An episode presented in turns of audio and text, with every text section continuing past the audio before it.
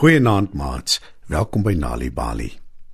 Die meeste van ons is bang vir verandering, nie waar nie? Ons hou nie daarvan om te verhuis na 'n ander plek of om skielik na 'n ander skool toe te moet gaan waar ons geen maats het nie. Tog kan verandering soms 'n goeie ding wees, al dink ons nie so aan die begin nie. En dis waaroor vanaand se storie gaan. Felix die kat is geskryf deur Anne Walton. Skuif dus nader en spit julle oortjies. Felix is 'n gelukkige en tevrede kat. Hy bly in 'n mooi huis en hy slaap op 'n sagte bed. Maar wat hom die heel gelukkigste maak, is dat hy vir Anna het wat na hom kyk. Hy weet Anna is lief vir hom want sy doen alles vir hom. Al wat hy hoef te doen is meow en hy kry sy sin. En dit pas hom goed. Anna voer hom die heerlikste kos. Sy kam sy pels saggies uit en sorg dat daar nie nare vlooie op hom is nie. Saans hou sy hom vas wanneer hy langs haar in die bed lê. Maar soggens is amper sy mees geliefkoeste tyd van die dag, want dit is wanneer hy hom heerlik uitstrek in die warm sonnetjie en slaap en slaap en slaap. Maar toe een oggend verander Felix sy heerlike lui lekker bestaan eensklaps ingrypend. Hy skrik wakker van sy oggendslaapie toe hy 'n lorry in hulle oprit hoor inry en stil. Felix hoor mense al pratend naderkom. Hulle loop reg verby hom sonder om hom eers te groet. Hy kyk hulle vies agterna omdat hulle so ongeskik is. Felix is gewoond daaraan dat almal wat hier kom kuier altyd sê hoe mooi en oulik hy is en hom wil streel.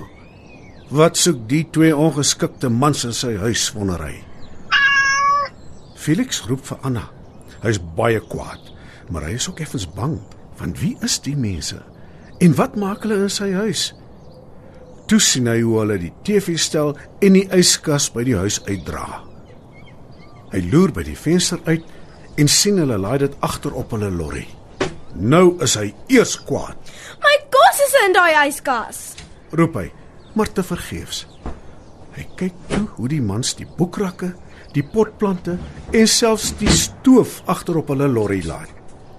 Anna maak my kos op daai stoof ras Felix. Maar weer eens steur niemand hulle aan hom nie.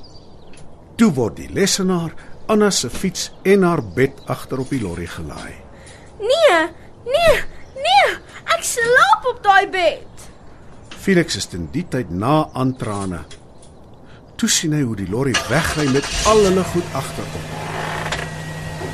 Niemand steur hulle eens nie. Felix soek nou na Anna om uit te vind wat aangaan. Hy huil en kla hard. Anna vryf hom vertroostend. Felix kyk na sy geliefde Anna en skrik groot. Wat gaan aan met haar? Sy dra 'n ou vuil T-hemp wat vol stof is. Haar hare is deurmekaar, haar hande is vuil. Nou is hy baie bekommerd. Toe begin Anna bokse vol goed te pak. Sy sit borde in bokse, sy sit haar klere in bokse, sy sit alles wat sy besit in bokse en maak hulle toe. Felix wonder waar sy kos is. Hy kyk in die leë kaste en sien niks nie. Hy kyk in die oop boks op die kombuisvloer, maar sien niks nie. Daar sal 'n plan gemaak moet word, dink Felix. Maar wat? Hy dink 'n oomblik na en toe spring hy in die oop leë boks.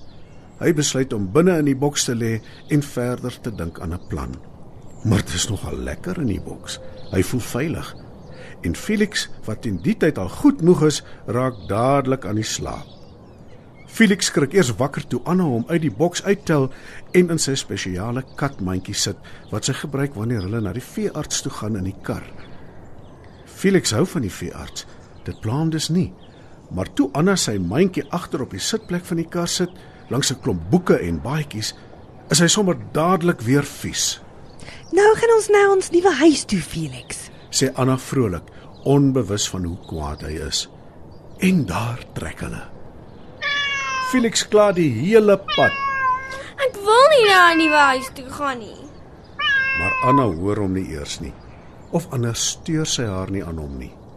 Hy begin nou sommer vir haar ook kwaad raak. Sy maag grom van die honger. En toeskielik begin Felix bang raak. Hy huil saggies. Hy toe gaan. hy. Maar hy weet hy kan nie uit die katmandjie kom nie. Wat nog te sê die kar? En Anna wat altyd so goed is vir hom, steur haar nie aan hom nie. Toe nou Felix, bly stil. Hoor hy Anna sê. Haar stem klink moeg, maar hy kla nog een strook deur, want hy weet nie wat aangaan nie en hy is baie baie hartseer. Uiteindelik. Sê Anna toe die kar stiller. Sy klim uit en dra Felix in sy mandjie in 'n vreemde huis in. Sy sit die mandjie op die vloer neer. Felix kyk versigtig rond. Die nuwe huis reuk snaaks dink hy.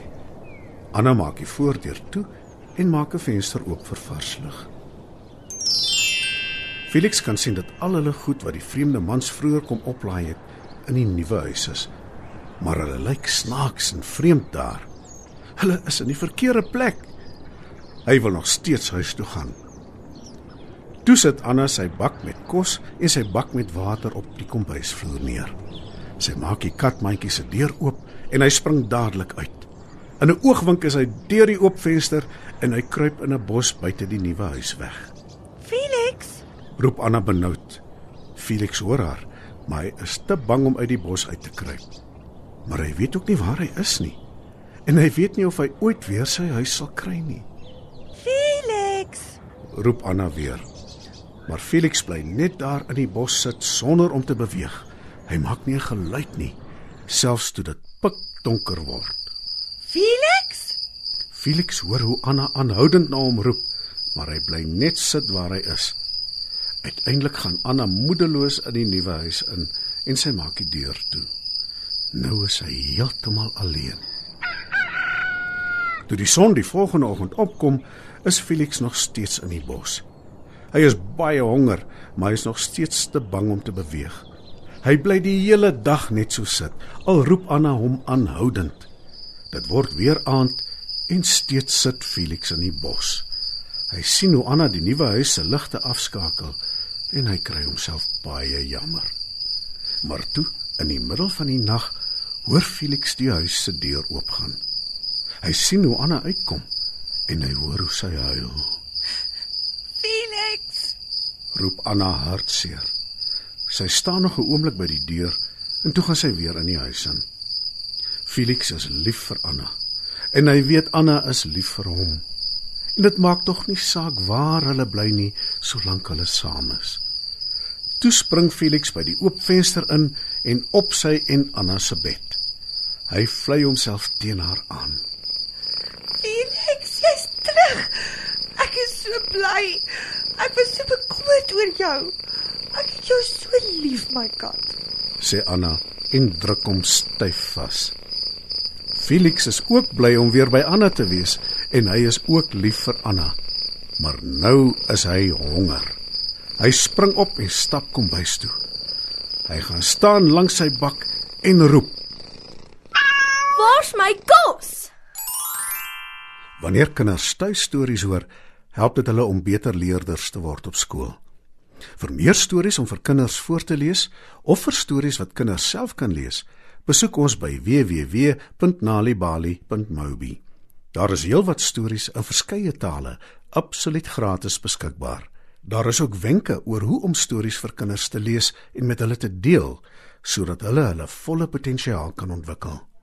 Nalibali is ook op Facebook en daar is Nalibali stories en aktiwiteite in bylaas van koerante. Story Power. Bring dit huis toe.